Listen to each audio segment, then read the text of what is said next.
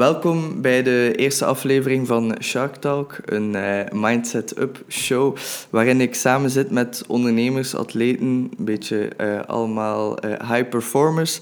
de eerste aflevering, of nee, de eerste gast van deze show is Ludwig Dumont, co ja, goedemiddag, goedemiddag. co-founder van um, Willow en ook huidig CEO. Uh, welkom, Ludwig. Merci, Sam. Ja, laat mij uh, direct beginnen met de eerste vraag. Je hebt nog een tijdje in de US gewoond en ja. gewerkt. Hoe, hoe zij je daar beland? Um, um, ik ben daar eigenlijk beland um, naar aanleiding van uh, een opdracht van Belgium. En Belgium is de Belgian American Chamber of Commerce. Dat is eigenlijk een organisatie die uh, ondernemers uit België helpt om uh, zo wat uh, voet aan de grond te krijgen in de States. En ze waren eigenlijk in 2015 waren ze op zoek naar iemand om ja, zo wat de community uit te bouwen in San Francisco, als ook om daar een soort van coworking space te starten. Want het idee van Belgium was en is nog steeds om een soort van safe haven te creëren voor Belgische ondernemers in de States. Een plaats waar dat ze uh, kunnen starten met hun business operations, maar ook een plaats waar dat ze in contact kunnen treden met andere ondernemers, met alle handen van service providers, ook in de States, om hen dan eigenlijk te helpen om ook daar hun business een beetje up and running te krijgen. Ja. Uh, dus zo ben ik een beetje in de States beland. Oké, dus dat is dan zo'n beetje een um, netwerkorganisatie, maar dan voor Belgische bedrijven. Ja, zo kunnen we bekijken. En dan voornamelijk gefocust op bedrijven die zoal een stap verder staan, waar dat internationalisering echt wel uh, top of mind is. Um, en die ook aan het kijken zijn naar grote markten. Want natuurlijk, ja, de United States dat is, een, dat is een megalomane afzetmarkt voor bedrijven. Dus het was echt wel gefocust op die ondernemers of die onderneming die eerst en vooral groeiambities hadden en die twee ook de, de volgende stap in hun uh, groei van de organisatie wilden zetten. Oké, interessant. En een, een normale dag, je hebt in, in San Francisco gewoond. Ik denk dat dat helemaal anders is dan, dan hier in Gent of, of Tenerwaar. Ja. Wow, hoe ziet zo'n ideale dag er daar een beetje uit? Een ideale dag in, uh, in San Francisco? Ja.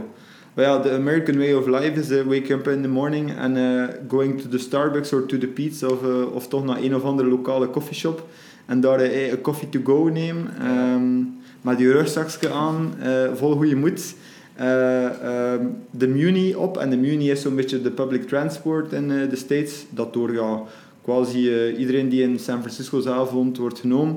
Dan neemde de Muni en dan hadden met de Muni, met de, met de tram, hadden eigenlijk richting de Financial District of SOMA. Dat zijn zo'n beetje de twee hotbeds in San Francisco waar dat, business life happens.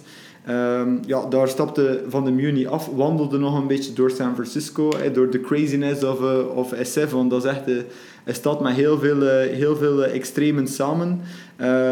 en dan, ja, je ziet heel veel, je wordt ik weet niet veel geprikkeld, je ziet fantastisch coole dingen, je ziet ook heel schrijnende zaken, want er is al heel veel armoede.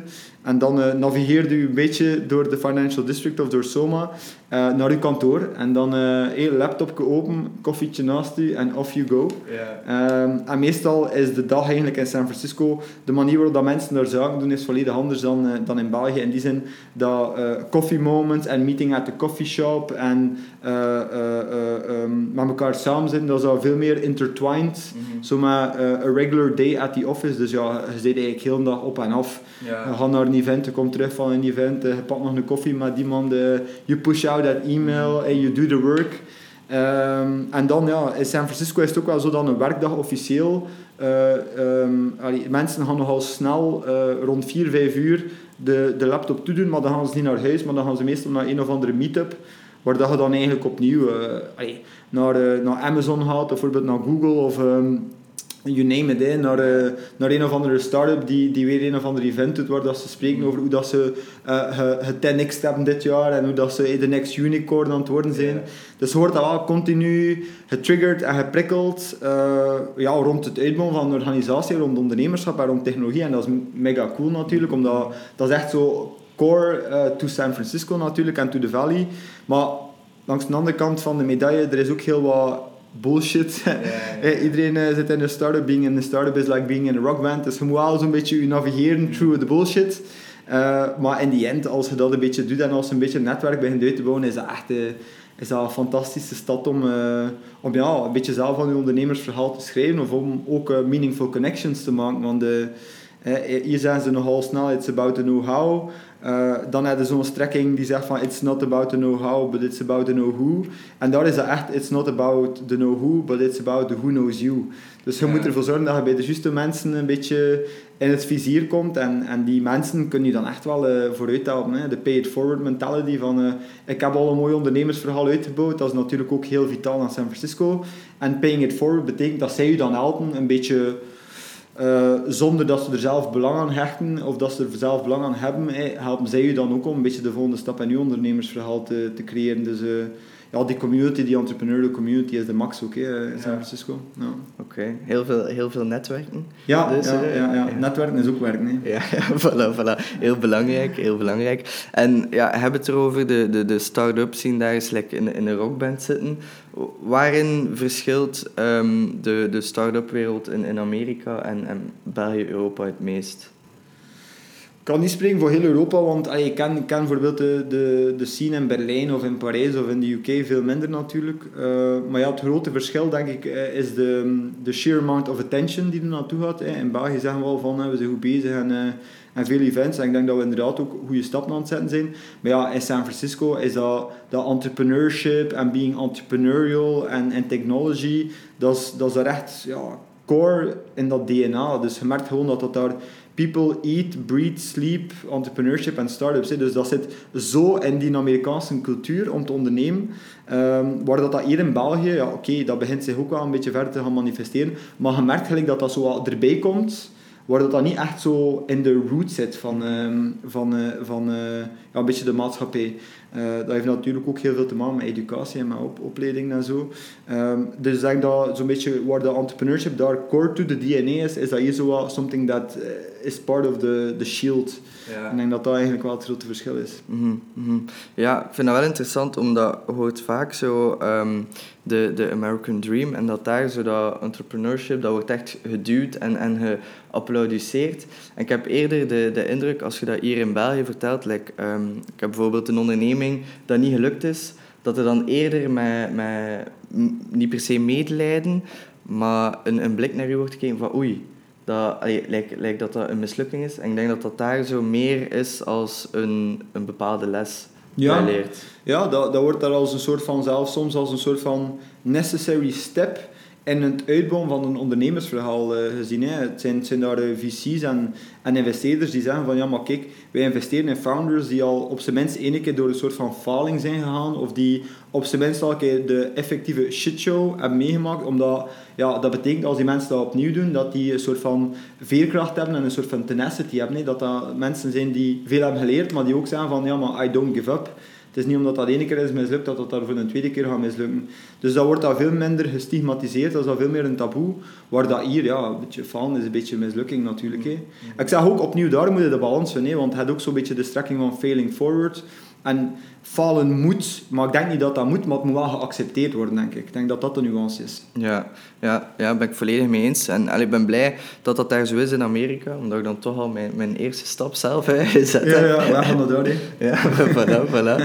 Oké. En eh, is dat in Amerika dat dan ook het, het zaadje geplant is van Contento of, of van Willow? Of hoe is dat eigenlijk uh, ontstaan? Ja, dat is eigenlijk daar dat dat zo'n beetje... Um, dat, dat, dat dat zaadje zo boven de grond is gekomen, als ik het een beetje op die eh, manier mag beschrijven. Want mijn achtergrond in social media marketing en, digitale marketing droeg ook al een heel, uh, heel, hele poos met mij mee, nog pre-Amerika.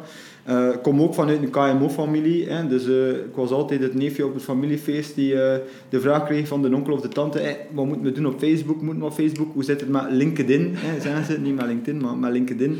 Dus de, ik ben er wel altijd een beetje in opgevoed in een KMO-familie en zelf een beetje mijn interesse rond social media marketing en marketing bestond ook al geleend, maar het is eigenlijk op het moment dat ik zelf in San Francisco actief was als social media consultant voor de grotere technologiebedrijven, dat ik ben bij gemerkt, maar ja, eigenlijk, hey, make any sense dat die kleinere KMO's die, die, die ja, te min van een soort van digitale transformatie zitten, dat die eigenlijk niet echt een oplossing hebben op maat van een beetje de resources waarover dat ze beschikken, ook een beetje de, de scarcity waarover dat ze beschikken, om ook echt wel eh, to shine online, om ook echt wel online die presence te gaan uitbouwen. En dus een beetje daar wat mijn achtergrond, samen met mijn familie uh, background, samen dan een beetje met die prikkels dat ik daar zag in dat ecosysteem zijn samengekomen. Nee, maar ja, you live in the hotbed of technology, dus dat kan niet dat er geen oplossing voor iets bestaat, zie je? Ja. En een beetje die, die, die, die, die, uh, ja, die, die I'm gonna do this, eh, I can do this, die mentaliteit, ja, is al volop aanwezig. Dus daar is dat zowel uh, gespaard geweest van come on, let's do this, right? Ja. Um, Oké, interessant. En ja, hebben hebben het niet, natuur, alleen, niet, niet alleen gedaan, natuurlijk. Hè. Hebben het geco-found. Ik, ik vind dat heel interessant, omdat ik niet goed weet... Zijn dat, doe je dat met mensen dat je al kent? Of, of ga je echt op zoek um, in, in een bepaalde community van, van like-minded people? Van met u wil ik samen iets, iets opstarten? Of hoe, hoe gaat dat in zijn werk? Maar ja, ik denk dat beide eigenlijk mogelijk zijn. Hè. Ik denk dat dat perfect mogelijk is. Uh, het dan ook in San Francisco hadden dan zo van die matchmaking events, zodat, dat, de ene co-founder ontmoet een ander en uh, hopefully they make something amazing. Dus uh, ik denk dat dat perfect mogelijk is. Het is ook perfect mogelijk om met mensen die je al van in het verleden kent, om iets mee te gaan opstarten. Ik denk dat dat allemaal een beetje weer een heel persoonlijke case is. In ons geval was het zo dat, dat Steven en ik zelf elkaar al wat kenden van vroeger via een gemeenschappelijke vriend. Dus er was al wat history. We hadden ook al samen een mini-agency gehad, een beetje meer een boutique-style agency. Dus we kenden elkaar al een beetje, maar het is niet dat wij genre elkaar kennen van in kindergarten, right? Uh, dus ik denk dat dat daar ook weer heel persoonlijk is. Hè. Gaan mensen die met familiezaken doen, gaan mensen die met complete strangers zaken doen. Ik denk dat dat allemaal een beetje afhankelijk is van de situatie waarin dat je bevindt en waar dat je jezelf ook comfortabel bij voelt. Hè. Want je moet je comfortabel voelen bij, eh, bij de persoon met wie dat doet, of de personen met wie dat doet natuurlijk. Ja, ja, ja, ja dat kan ik uh, zeker weten wel geloven. Um, vandaag um, is, is het Willow waarover dat we het praten, maar het is ook Contento geweest. Ja. Uh, van waar de, de switch? Ehm, ik um, denk eigenlijk dat de, de, de voornaamste reden eigenlijk was een soort van maturity point die we hadden bereikt. Um, want ay, Content ook gewoon nog altijd van die naam, ja, ik draag die natuurlijk nog altijd in mijn hart. Uh, dat zal nooit veranderen. Um, maar ik denk dat Contento was een zeer goede naam om mee op te starten. Dat is een hele catchy name, hey, very startupy. Maar op een gegeven moment kwamen wij tot een soort van ja, conclusie dat die naam A eigenlijk niet meer de volledige lading dekte, want het ging eigenlijk verder dan, dan, dan pure content. Um, en twee, we merkten ook dat de populatie of eigenlijk cliënteel bij de welke dat we het beste deden, dat waren die professional service providers, dat, dat die een soort van um, maturiteit hebben of een soort van professionalisme hebben, waar dat de naam Contento misschien juist wat te, te, te, te was. En we waren dan op zoek naar een naam die een beetje onze maturiteit ook weerspiegelde en die ook wel in lijn lag met het cliënteel uh, op de welke ons we, we wilden richten. En daar, eh, na, heel wat uh, en eh, ons opsluiten in een donkere kamer, daar is de naam Willow dan naar boven gekomen. En het was Steve, allee, Steven die met die naam kwam. en dat was ja, oké, okay, let's do this. Dat klonk direct goed ja, ja het pakt ook goed. Hè. Ik, vind, ik vind het leuk. Um, dus ja, Willow is, is een um, softwareproduct ja. voor, voor B2B-bedrijven. Maar ja, jullie hebben zelf niet echt een, een achtergrond in, in het produceren van, van zo'n product. Hoe, hoe komt dat idee... Allee, hoe, hoe, hoe ziet dat proces eruit van idee naar dan uiteindelijk product? Ja, je moet, je moet denk ik eerst starten met de, los van productmatige, je moet eerst op zoek gaan naar, ja oké, uh, uh, wie is mijn doelgroep en uh, wat heeft die een doelgroep eigenlijk nodig om succesvol te zijn? Of met welke pijn zitten ze? of, of wat is hun ambitie en welke oplossing kan daar eigenlijk voor um, bestaan? Of in het leven worden geroepen liever. Um, dus ze starten eigenlijk altijd denk ik vanuit de markt. Want ja, anders kun je het schoonste product of de schoonste dienst bieden. Als er niemand echt in geïnteresseerd is, dan ja, zit je daar eigenlijk ook maar met je, met je stuff. Uh, dus wij hebben altijd eerst gekeken naar ja, wie is onze markt, wat hebben die nodig. En dan zijn we eigenlijk gradueel, hebben we eigenlijk een zeer um, service-based model, van een soort van social media agency, waar dat veel mensen veel werk doen. En wij dan geleidelijk aan dat product is wat bedoelt, dat we eigenlijk hebben gekeken naar al dat manuele werk die erin kruipt om die mensen te helpen met hun social media. En dan begin nadenken van al dat manuele werk, ja, mensen kosten veel geld, dat kost niet veel geld. Kunnen we dat misschien op een slimmere manier oplossen door daar een soort van software voor te ontwikkelen? Want zeker als het neerkomt op social media marketing, je hebt heel wat repetitievere zaken, zoals content inplannen op je social media, uh, beslis wat dat beste moment is om te delen op die social media, uh, gaan kijken op een kalender wanneer dat je alles moet inplannen. Dus er zijn heel wat repetitieve zaken die volgens ons perfect uh, uh, kon gecoverd worden door een product. En dan zijn wij gradueel, stapje per stapje, herinner mij nog een mega grote Excel, waarin dat we eigenlijk beschreven, taakje per taakje, wat dat we deden. Dus taakje 1 was bijvoorbeeld 10 minuten doorgebracht aan het inplannen van de social media voor die klant. 15 minuten doorgebracht aan het connecteren van de social media kanalen van die klant. En op die manier kregen we een lijst en zeggen, ja, ik heb niet veel tijd en dat te doen, dat is niet echt super value add vanuit een soort van menselijk point of view, zo'n product dat kunnen doen. En zo zijn we eigenlijk geleidelijk aan van een, een, een echt puur service-based model beginnen evolueren naar een model waar dat je echt een, een product hebt, een software, die eigenlijk een stuk uh, de kern is van het verhaal en waarom dat er dat wel nog altijd een menselijke schil bestaat. Maar de doelstelling van die menselijke schil bij Willow is voornamelijk om toegevoegde waarde te leveren vanuit die mens en niet die mens iets laten doen wat aan een softwareproduct eigenlijk ook kan. Um, en dat is natuurlijk wel belangrijk dat je dat evenwicht bewaart, want ik denk dat mensen nog altijd best zijn in de creatieve zaken en in de, de complexere zaken, waar dat heel wat repetitieve zaken door een product kunnen gedaan worden. Ja, ja, ik denk dat dat de, de productiviteit van, van veel mensen ook uh, te goede komt. Het is, gewoon echt super handig. Um, het is een heel modern bedrijf. Um, en Je weet het, hè? ik, ik weet het zeker weten. Uh, in alle aspecten, waaronder ook de, de bedrijfscultuur. Um, ik denk dat dat ook een van de redenen was waarom dat ik hier echt super graag wil werken. En hoe, hoe kijkt je eigenlijk tegenover bedrijven die dat, laat ons zeggen, nog iets ouderwetser door het leven gaan op, op dat gebied van um, omgaan met personeel en dan zo eerder zo van ja, uw uren komen doen, zo, zo in die trance? Ja, ik denk opnieuw dat dat weer een heel case-by-case uh, verhaal is. Hè. Ik denk dat je niet... Ik kan mij niet uitspreken over al die andere organisaties, hoe dat zij het aanpakken. Ik kan me wel uitspreken over hoe dat wij het aanpakken en waarin dat wij geloven. En wij geloven er heel sterk in dat, is dat vooral dat het weinig zin heeft om mensen uren op te leggen. Omdat dat, ja, dat is een beetje een vanity metric, want die uren, wat zijn die uren? Hè? Uh, dus dat veel meer moet gaan over wat wil je bereiken en wat willen we samen bereiken. En ja, om dat te bereiken, wat moet er dan gedaan worden? Dus dat we meer responsabiliseren op vlak van resultaten. En dat je dan eigenlijk ja, aan je mensen vertelt van ja, hoe dat je je dag inricht of hoe dat je die resultaten wilt bereiken.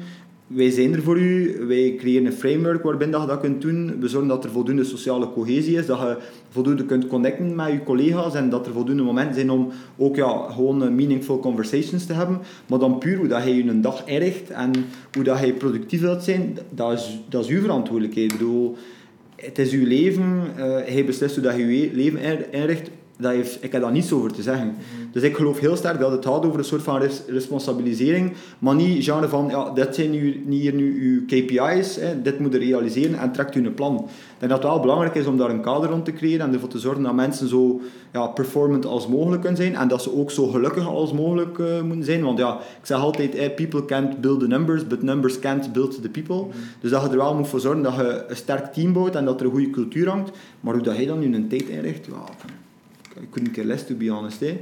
Maar dat wil daarom ook niet zeggen dat we natuurlijk daar niet mee bezig zijn. Hè. We, we, houden dat wel in de gaten. Maar het is niet zo dat we kijken van, zijn je hier nu om 9 uur binnengekomen of om 9 uur 10? Of zijn je nu om 5 uur vertrokken of om 4 uur? Ja. Ik denk dat trouwens dat dat ook niet... Allee, ik kan het aan u vragen, zou dat werken, denk ik, voor u? Ik denk dat het moeilijk wordt. ik denk, uh, waarvoor dat bij Willow werkte, werkte ik bij, bij het Wit Kruis. En daar was echt zo, toekomen om 8 en dan mocht je vertrokken, uh, vertrekken om 4 uur 30. Maar dan zitten ze de hele tijd te kijken op je horloge van, is dat, is dat 25 naar 4? Dus dat werkt niet. En, en ook gewoon qua geluk in het werk, denk ik dat dat super hard meespeelt. Omdat moet je bijvoorbeeld een keer naar de winkel, eh, je kunt dat doen, no ah, problem. Um, het is zo, ja, sommige mensen moeten hun um, leven bouwen rond, rondom hun werk. En ik denk dat je dat in een bepaalde mate ook moet doen, maar dat dat zo'n beetje in samenhang moet zijn. Ja. ja, en denk ook, je moet ook niet vergeten als je het gewoon een keer eh, op de keper zou beschouwen, hoeveel uren van je leven dat je doorbrengt op het werk. dus als je al die uren zou optellen, eh, it's a significant amount. Dus ja, you better make those hours count. En daarmee bedoel ik van, je richt die best zo persoonlijk en zo goed mogelijk in. Dus als hij dat dan een beetje uh, de master of zit en als hij dat dan beslist, ja, dan denk ik dat dat ook gewoon perfecter past in je overall lifestyle, right? Mm hetzelfde van locatie. Allee, uh, om mensen te verplichten om uh, iedere dag op het kantoor te komen. Allee, heel de coronapandemie en blabla, dat heeft er natuurlijk ook wel heel wat veranderingen gebracht. Maar pre-corona waren wij ook al heel gedistribueerd en heel remote. En opnieuw, we proberen sociale cohesie te creëren door dan uh, een dag per week samen te komen. En we proberen daar een kader voor te creëren. En we zorgen ervoor dat iedereen toegang heeft tot coworking spaces. Dat als er wat office time moet gespendeerd worden, dat dat kan. En dat mensen niet verplicht zijn om aan onder een koffietafel te werken. Of aan onder een keukentafel, maar we gaan het ook niet opleggen. Mm. Zie je? Mm. En ik denk dat, dat dat al gewoon belangrijk is, dat je die nuances een stuk snapt. Ja, ik denk dat dat ook eh, een groot deel meespeelt in... Um, zo, ja, mensen ook motiveren om nog andere dingen te doen naast het werk dat je zo echt je, je tijd zelf kunt indelen. En, en oké, okay, begin een keer om tien uur, dan begin om tien uur, een andere dag om acht uur. Dat dat zo niet een, een metric hoeft te zijn van... Ah, je begint iedere dag om negen uur vrij goed gewerkt, jongen. Um, dus ja. Ja, ja, ja. En dan, ja, wat heb je gedaan gedurende die uh, van 9 tot 5? I don't know, maar ja, je was er wel, dus je hebt dat super goed gedaan. Ja, ja, ja, Dus mij ken niet, at least uh, voor, voor mij uh, is het niet echt een zinvolle, zinvolle, zinvolle manier om dat te meten. Nee. Ja, en dan nog een stuk waarin dat um, een, een heel modern bedrijf is, hè, naast de, het product en, en dan de bedrijfscultuur, is fully remote dat we zijn. Hoe, want Victor zei dat jullie in het begin nog allemaal samenkwamen op een kantoor in Antwerpen. Ja. Hoe, hoe is dat dan veranderd? Maar ja, dus eigenlijk, eigenlijk was het zo dat het Belgische team, hè, de States, dat was denk ik in 2019 of zo. Ja, dat moet Victor is erbij gekomen in mei 2019. Um, uh, dan zat wij inderdaad in een kantoor uh, in Antwerpen. Ja, dat was eigenlijk ook gewoon om ja, toch een klein beetje een kantoor te hebben waar dat we onze grief kon stockeren en zo. En, en, en een plaats hebben waar dat we zaken kon plaatsen. En waar dat als er keer moest gewerkt worden op kantoor, dat dat daar kon. Maar dat was eigenlijk ook puur daarvoor. Dat was niet zo van, oké, dit is nu het kantoor, nu moet iedereen hier naartoe komen. Dat was destijds ook al niet.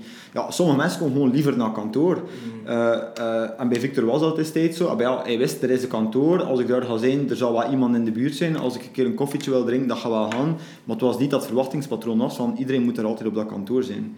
En en plus, zeker als je met een soort van remote team zit, waar dat mensen een beetje scattered across the globe zitten, um, ja, als iedereen continu, als het Belgische team bijvoorbeeld continu op kantoor is, ja, dan is dat niet echt de level playing field voor de rest. Mm. Waarmee dat ik bedoel dat als iedereen samen op kantoor zit, zijn er zo van die watercool moments waar dat er wel wordt besproken, maar dan dat team dat niet in België is, heeft daar dan geen toegang toe. Dus dan creëer je toch een klein beetje zo'n beetje een wij- en zij gevoel en gewoon dat ten allen kosten vermijden. Um, dus opnieuw, er was wel een kantoor, maar niemand moest daar zijn. Ja, ja, ja. Oké, nice. Um, omdat dat, dat is ook wel iets wat, wat mij echt aansprak om, om hier te beginnen werken. En um, naast, naast het feit dat, dat er geen kantoor is, hoe, hoe managed je dat? Want er moet toch nog altijd een bepaalde uh, vorm zijn van, van werkverdeling en, en, en takenverdeling. Hoe, hoe gebeurt dat? Uh, maar dus eigenlijk, ja, in Willow hebben we, laten we zeggen, een aantal departementen, om het zo te stellen. Ieder departement heeft op departementsniveau zijn verantwoordelijkheid of zijn een focus. En dan in die verschillende departementen zitten er mensen die dan allemaal een bepaalde rol hebben. En al die mensen hebben ook op individuele basis hun verantwoordelijkheden. En dat wordt allemaal bijgehouden uh, via KPI's, Key Performance Indicators, op, op teamniveau, maar ook op, op individueel niveau. En dan dankzij uh, digitale tools, zoals HubSpot, of via allerhande andere tools, CRM's en zo, kun je perfect weten, één keer dat alles goed is ingesteld, dus dat je ja, een beetje de digitale wereld als soort van fundament ook neemt voor het uitbouwen van je bedrijf, kun je ook via het instellen van die KPI's goed weten hoe dat het met de mensen gaat. Uh, dus dat kun je eigenlijk een beetje gebruiken dan om je, om je mensen quote te gaan managen. Maar bon, dat is natuurlijk maar één deel van het managen. Ik denk dat daarnaast dat ook belangrijk is dat er voldoende touchpoints zijn, dat je voldoende met je, met je, met je mensen in contact zit. Um, dat, je, dat je voldoende met je mensen in contact bent. En, um, en dat doe je door gewoon ja, via interne communicatietools, like een Slack, een keer berichtjes te sturen, of kun je heel snel een videocall opzetten, of zij in de buurt, had ik gaan wandelen, whatever. Hè. bedoel, um, dat is een ander onderdeel van managen, maar dat is niet rechtstreeks managen op wat zijn nu de resultaten, maar dat is eerder managen op van ja, voel je goed, hoe gaat het met u, En je weet het ook, hè. bijvoorbeeld in, in de sales meeting spenderen we heel veel aandacht aan how do you feel, what what can we do to help. En dat gaat natuurlijk verder dan puur het aan en hoeveel quote-unquote demos hebben bijvoorbeeld geboekt deze week. Dus ik denk dat je dat ook altijd vanuit beide aspecten moet bekijken. Maar ik ben nogal een sterke believer, hè. lead with the heart and let the head follow. Hè. Dus, um, uh, want als mensen zich goed voelen in hun vel, als ze ervoor zorgen dat ze alles hebben dat ze nodig hebben om gelukkig te zijn, om performant te zijn, volgt dat tweede meestal wel. Ja, ja, dat is ook iets dat, dat sterk naar voren komt, dat, dat mentale gezondheid gebeuren binnen Willow. Ik denk dat, dat Rebecca daar ook een, een heel harde rol in, in meespeelt. Ehm, is dat iets waar jullie al altijd zo hard op hameren? Omdat dat ja, sinds corona is echt een, een hot topic. En ja, is, dat, is dat iets wat jullie al altijd meenemen? Of, of echt ook ja, sinds corona is gekomen? Um, dat is iets wat wij eigenlijk al van bij het begin echt hebben meegenomen in, uh, in, in het gedachtegoed achter de cultuur van willen. Omdat hey, een gezonde geest en een gezond lichaam. Hey. Ik bedoel, uh, het wordt altijd gekeken naar loop te veel of, uh, of exercise genoeg, hadden genoeg naar de fitness. Maar ja, je moet ook wel mentaal gezond zijn en mentaal in check zijn. Hey. Dus ik denk dat dat eigenlijk van bij het begin onderdeel is geweest van, onze, van, onze, van ons gedachtegoed achter hoe dat we de zaken bij willen aanpakken. Ook door daar voldoende ruimte voor te gaan creëren. het is daarom geen, geen, geen um, geen, uh, geen praatbarak uh, iedere dag bij Willow, maar er wordt wel voldoende ruimte gecreëerd om je kwetsbaar te kunnen op openstellen en ook om over ja, wat persoonlijke zaken te kunnen spreken. En ik denk dat Rebecca daar inderdaad uh, een heel belangrijke rol in heeft gespeeld en nog altijd in speelt, omdat we er echt in geloven dat een gezonde geest en een gezond lichaam. Hè. Ja, dat, dat is super belangrijk. Um, en het is, een, een heel snel veranderde, veranderende omgeving, Willow. Wat, wat doe hij zoal om, om je hoofd op, op, op, die, op die manier um, ja, echt, echt leeg te houden en, gezond te houden? Ja, dus dat is een goede vraag, maar ik denk dat um, in mijn geval, ja, allee, hoe moet ik dat juist verwoorden? Ik ben nogal uh, oké, met heel wat chaos en heel wat onduidelijkheid en heel wat onzekerheid. Dus ja, dat is voor mij niet echt het probleem dat dat continu verandert en dat dat continu uh, herbekeken moet worden. Uh, moeten natuurlijk wel een leiding krijgen. Dus ik denk dat dat een beetje eigen is aan mijn persoonlijkheid, dat ik wel, wel relatief goed kan omgaan met chaos en continu veranderende omgeving. Hey, want de, ze zeggen ook altijd, de uh, start, startup is, is a shit show, hè, uh, but at least it's, still a show. Dus ik vind het op zich wel cool om, om op, op zoek te gaan naar oplossingen als het niet goed gaat om problemen op te lossen. Ik lig daar meestal ook niet wakker van. Ik lig wel wakker van menselijke. Als ik merk dat het echt niet goed gaat met iemand, of als ik merk dat, dat iemand echt zich niet goed voelt in zijn of haar vel, dat is wel iets wat, dat mij, wat dat mij bezighoudt, omdat ik denk dat dat, dat is super menselijk is. Dat moet, dat moet, als we goed kunnen babbelen met elkaar, kunnen meestal wel samen tot een start van een oplossing komen, of kunnen toch proberen te helpen, maar daar ben ik wel mee bezig. Maar denk eigenlijk, uh, all things considered, uh, dat gewoon kwestie is van opnieuw ervoor te zorgen dat je voldoende sociale cohesie creëert, dat je mensen ook voldoende richting geeft en zegt van kijk, voilà, dit is echt wel de richting dat we uitgaan, los van al de veranderde omgeving, maar dat mensen wel een duidelijke richting zien waar dat bedrijf naartoe gaat. En dat doen wij bijvoorbeeld door uh, ieder kwartaal, we noemen dat State of the Unions, dat is ook een beetje gebaseerd op onze uh, Amerikaanse roots, door ieder kwartaal State of the Unions te organiseren, wat dat we, de quarter in review, wat hebben we laatste kwartaal gedaan, wat is de toekomst van Willow voor het komende kwartaal en een beetje langer. Um, en, en dat we ook dan altijd herhalen, kijk, waarom doen we dit, voor wie doen we dit, hoe gaan we dit doen, welke behavior framework hebben we? Want we hebben een soort van, van, uh, van framework dat we gebruiken om de zang te doen bij Willow. En als je voldoende kader heeft en weer voldoende sturing heeft in die continu veranderende omgeving, is dat meestal wel oké. Okay. Je kunt ook wel niet verwachten van je mensen dat zij het allemaal gaan uitvoeren. Ik denk dat je, een beetje afhankelijk van de stage waarin je zit met je bedrijf, dat je een beetje meer trailblazers nodig hebt. Maar je kunt wel niet verwachten dat mensen die erbij komen eigenlijk perfect weten hoe dat allemaal loopt. Ja. Ja, ik denk dat ik zo wel de chance heb gehad op mijn eerste dag dat we allemaal bij Victor thuis hebben gewerkt. Ja. En dat is misschien een, een stom voorbeeld, maar zo lijkt um, die, die State of the Unions dat wij doen, wat ik daaruit leer, dat is eigenlijk niet normaal. Is waar? Ja, omdat ik heb nooit allez, verder gestudeerd.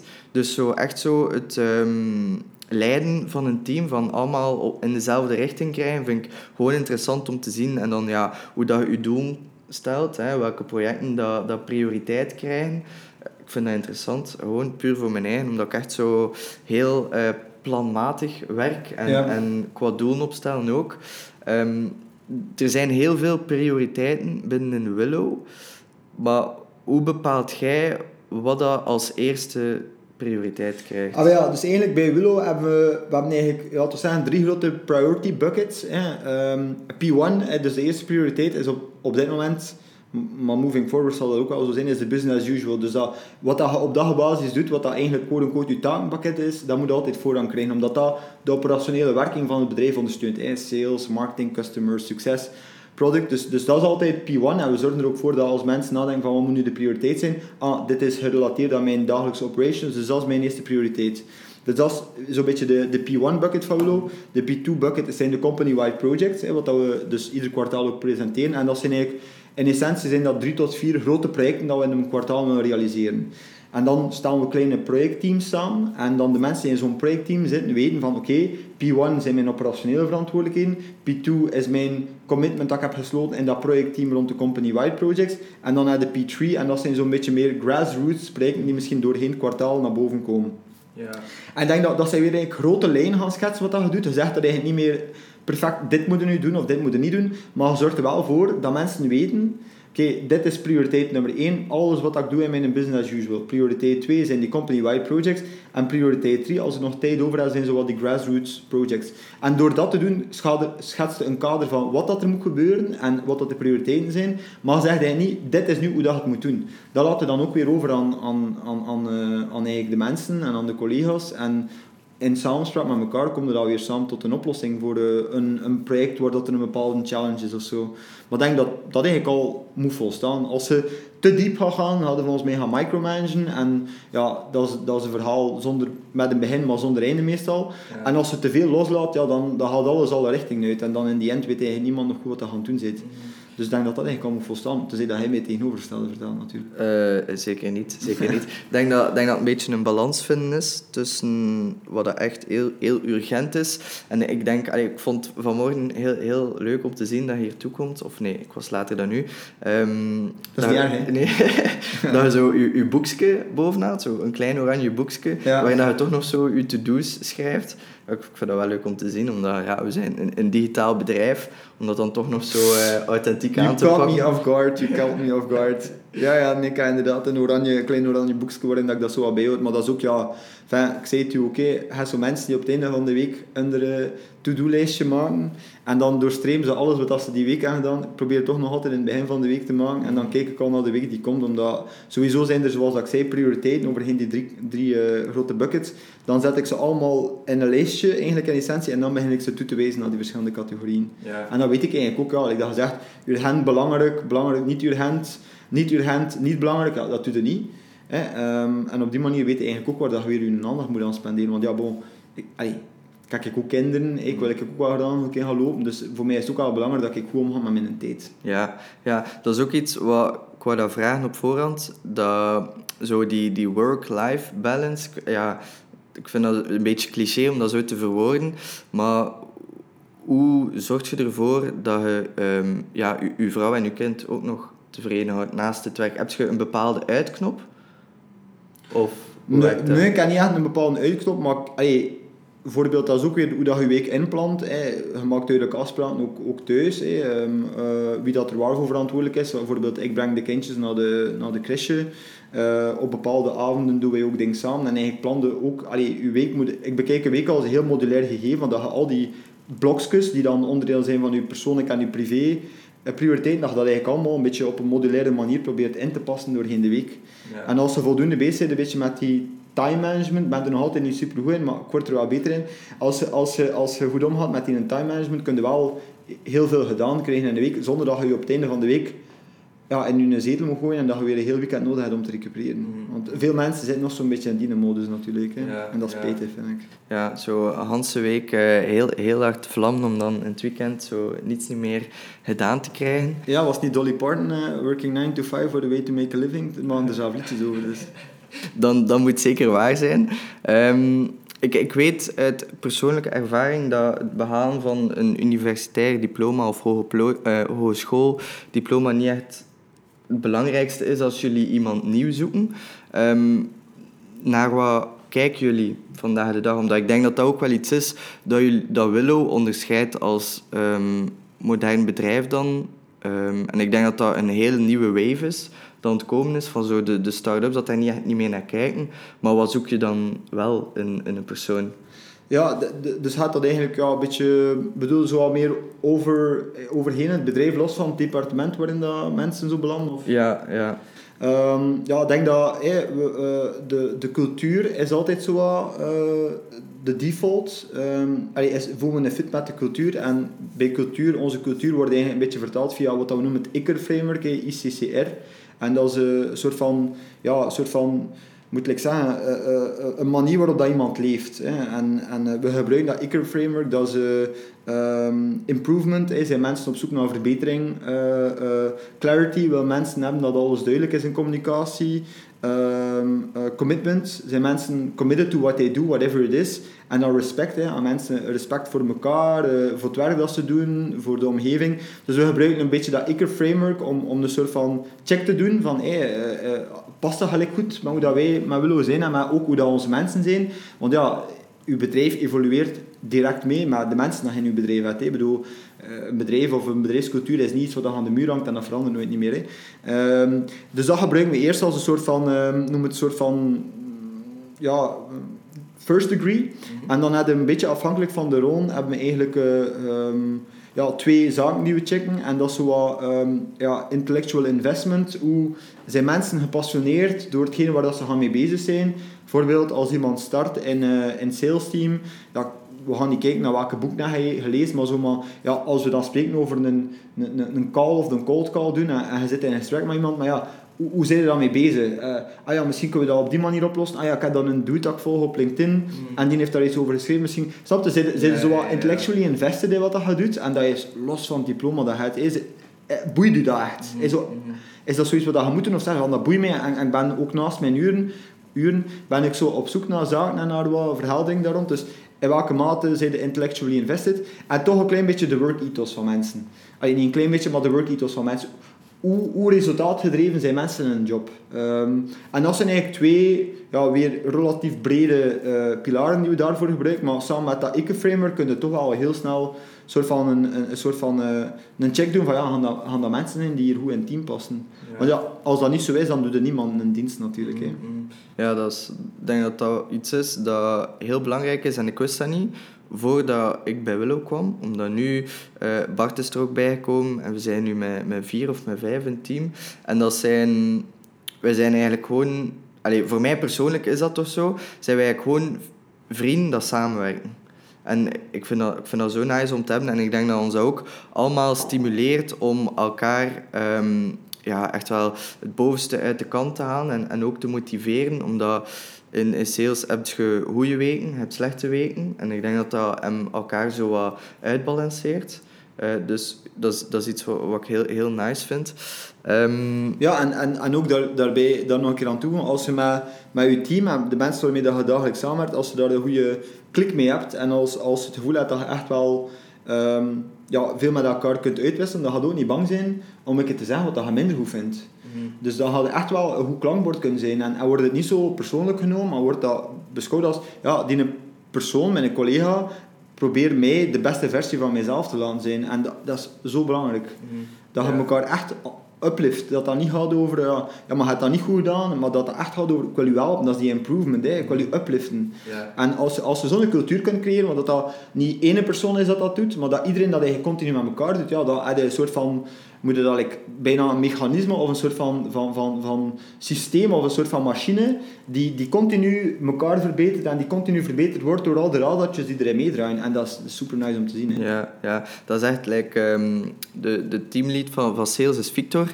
En um, ja, hij is ook altijd bezig met iets nieuws wat niet eenvoudig is. En dan komt hij ook wel nog terug bij ons om, om input te vragen van waar kan ik het beter doen. Of bijvoorbeeld bij, bij het coachen van ons, van is dat een goede manier waarop dat ik het aanpak. Ik vind het gewoon heel mooi om, om te zien dat, dat er heel veel kwetsbaarheid en een, een heel grote menselijke kant is waarin dat iedereen hemzelf durft openstellen van kijk, ik ben aan het leren, ik heb niet alle ambacht in, in, in pacht. En, en dat is iets dat, dat ik ook merk, like, bijvoorbeeld bij u, ik denk, allee, heel een intelligente mens. Hè.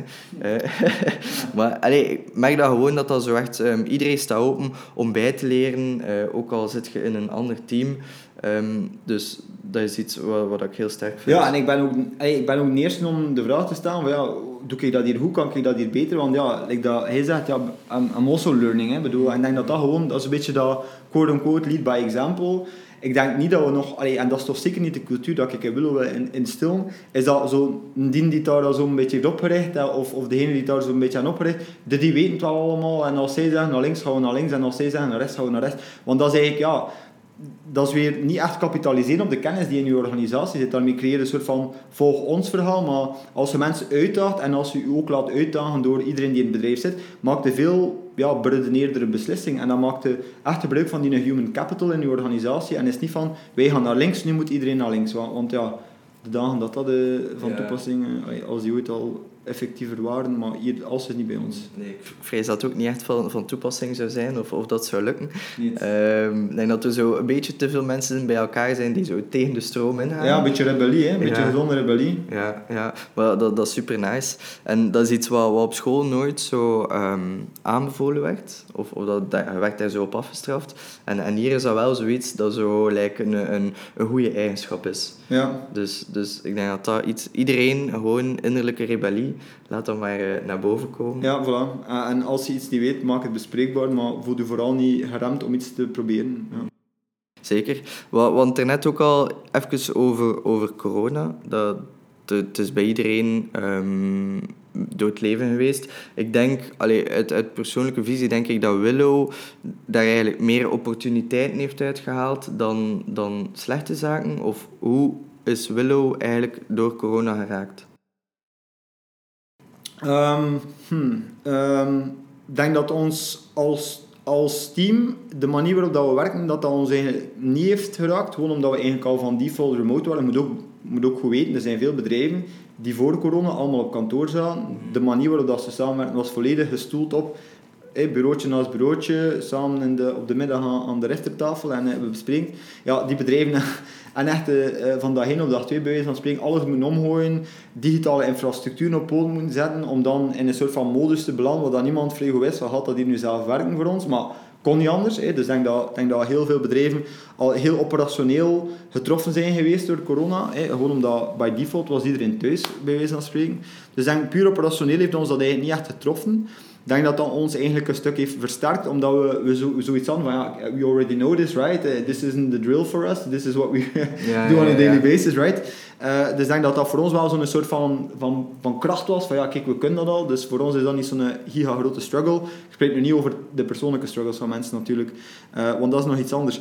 maar ik denk, ja, als je dan puur kijkt een beetje naar de markt en naar het landschap, denk ik wel dat, dat zeker voor ons de markt, die, die professionele dienstverleners op, en, en, en die KMO's, dat zij wel ehm, door een oefening of door een soort van versnelde digitale transformatie zijn gegaan, waar dat een online aanwezigheid, en zeker via social media, dat dat zo wat is beginnen shiften van nice to have naar need to have. Want ja, er was eigenlijk quasi geen andere manier meer om te communiceren met je cliënteel of om nieuwe cliënten aan te trekken dan via de digitale kanaal. Want de offline wereld was by default, ja, offline bestond niet meer.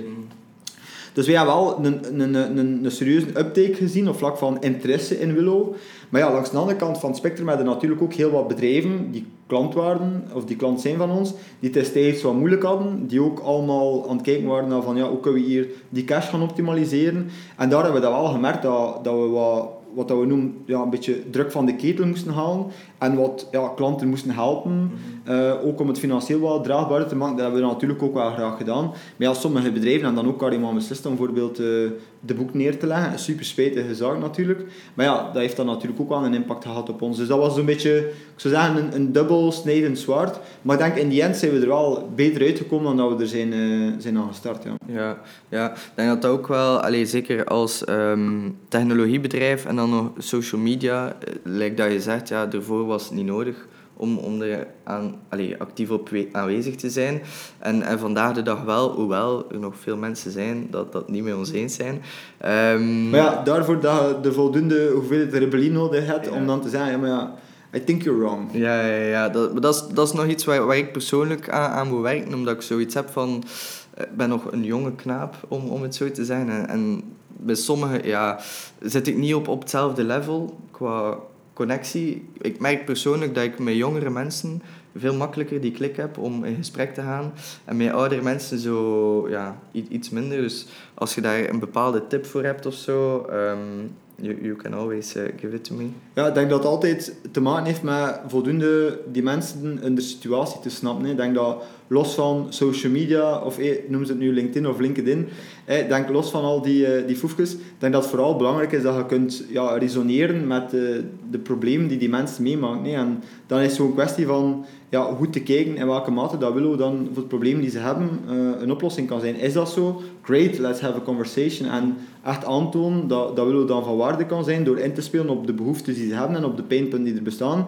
Maar ook, ja, is het niet zo? Ja, dan is het ook niet zo. Hè. Bedoel, je moet mensen niet forceren, denk ik, in een, in een, in een relatie. Dat werkt nooit. Maar je moet heel goed de situatie van iemand snappen.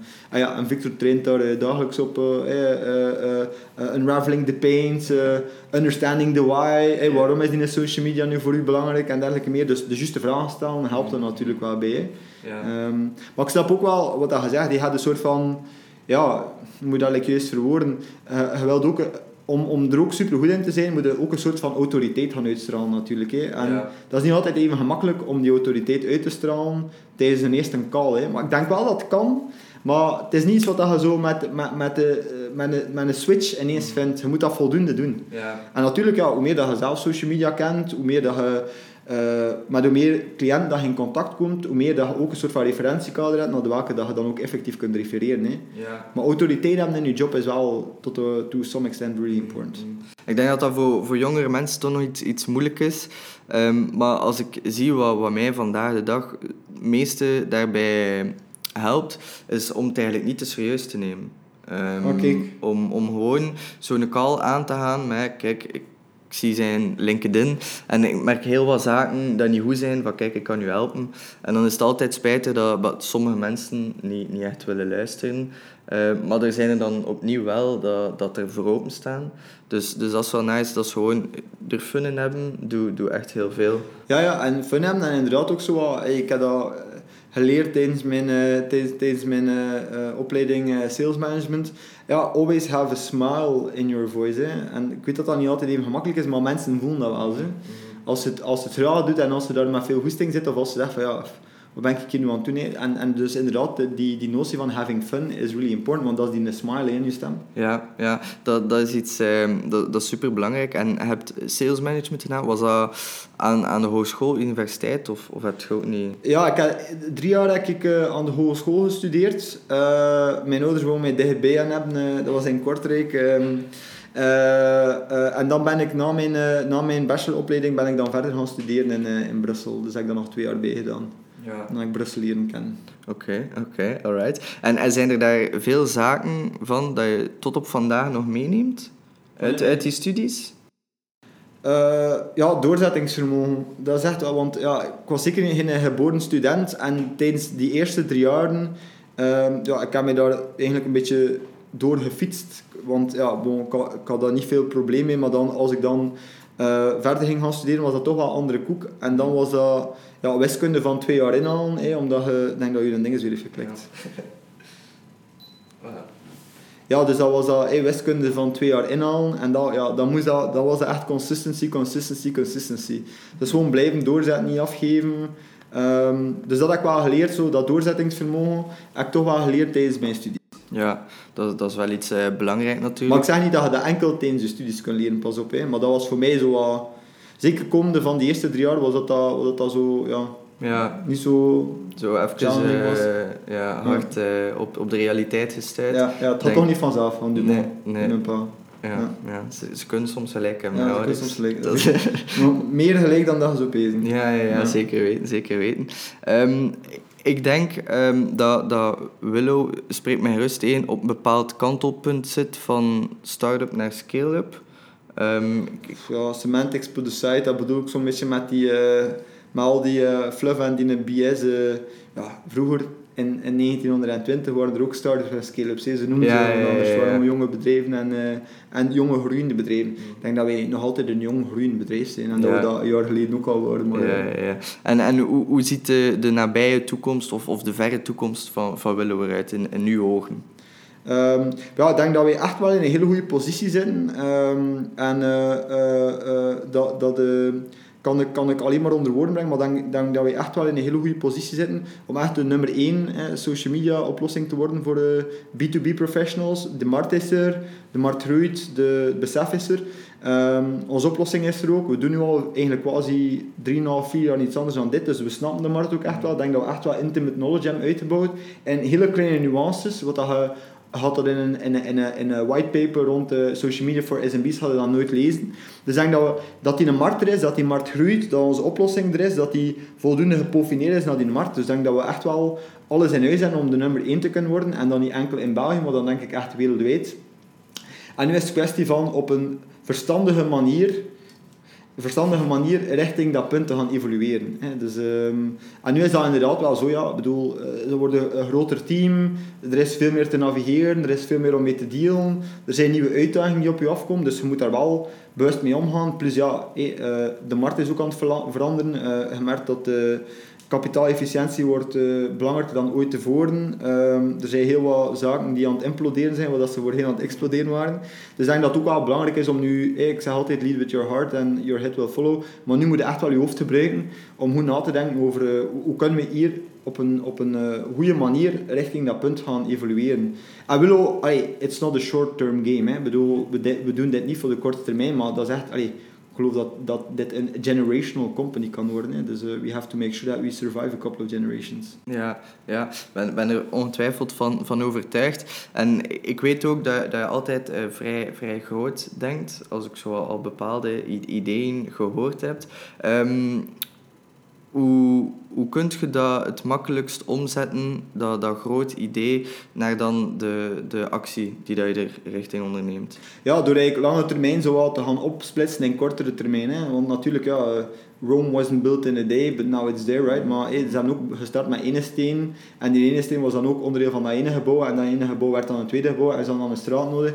Dus je, moet denk ik een hele, hele lange termijnplan moeten opdelen in kortere termijnplan. En dan ervoor zorgen dat die kortere termijnplannen, dat je die operationeel kunt realiseren. Maar dat die allemaal wel in functie van de langere termijnplan eh, zijn. Dus ja, bon, het heeft voor mij weinig zin om, om nu een plan uit te voeren dat maar binnen 10 jaar van toepassing is. Maar de plan dat je nu uitvoert, moet misschien dit jaar of de komende de twee jaar van toepassing zijn, maar ze moeten wel passen in dat grotere termijnplan. Dus ik denk dat breaking it down in smaller modules, like dat je een dag een beetje indeelt, mm. dat dat evenzeer van toepassing is uh, voor het uitbouwen van de langere termijn. Ja. Ah ja, je weet het ook, je hebt wel wild plans met Willow en uh, ik denk dat het wel super cool gaat zijn, maar ja, we kunnen... Allee, we moeten eerst nog een beetje leren lopen en dan leren fietsen en dan kunnen we dat vliegtuig pakken en dan die uh, raket.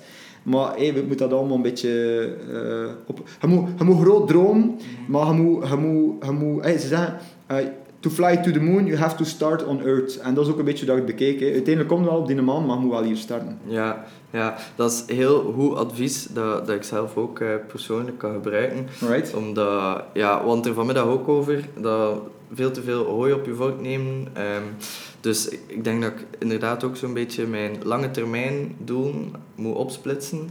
En ook iets, iets langere termijn over moet, moet, moet opstellen. Ja, en ook zo wat... Zo, allee, met sales is dat exact dat. Hè. Hij, hij, sales is instant gratification. Hè. Hij zo, oh, je boekt een demo, uh, je close een deal. En dat doet goed, hè, omdat je zoiets opgewerkt, afgewerkt, je iets opgeleverd, je hebt een resultaat. En dan dat dat gewoon in je leven zo is. Je moet niet je moet, je moet denk ik een, grote, een groot plan hebben voor je leven. En je moet echt zotter dromen. Want je weet wel, uh, uh, it's the crazy ones that actually make it happen. wat zei Jay-Z weer? Um, difficult takes a day, impossible takes a week. En dat is ook wel een beetje de mindset waar ik echt in geloof. Maar je moet wel ervoor zorgen dat je op korte termijn voldoende zo van die gratification points zet. Dat je zegt van, ik heb dat nu gerealiseerd, ik heb dat nu gedaan. Omdat dat zo it keeps you going. Hè? dat kan je zo zeggen. It keeps you going. En dat wilde wel, hè? want je moet wel, je moet wel, hey, je moet bezig blijven eigenlijk. Ja, ja. beweging, dat, dat zorgt voor meer beweging. Ja, voilà. Dus dat. En hey, een object dat in beweging is, is zeer moeilijk om te stoppen natuurlijk ook. Hè. Ja, ja. Dus Fysica. daarom, ja, ja, fysica ben ik niet zo goed. Maar ik ook niet, hè, maar ik weet dat dat goed klinkt. voilà, voilà. Je bent er weer goed uitgekomen. nee, oké. Vrij goed. Ik, ik denk ehm, dat, dat het dit was. Oké, eh, ja. dit was het. Dit, dit was het, de, de eerste aflevering van, van de Shark Talk met Ludwig Dumont. Ehm, moest er een vraag zijn, dan zal ik gewoon uw LinkedIn in de comments Ja, very good. Ja. Va? Dan zonder ja, niemand op reageren, maar bon, het is dat, hè. Ja, het was Oké, hè. Oké, alright, super, merci. Coole mics, by the way. Ja, ja, goed grief. Ja. Goed grief, goed grief. Ja, ja, ja. Allee, merci Sam. Ja, hij bedankt.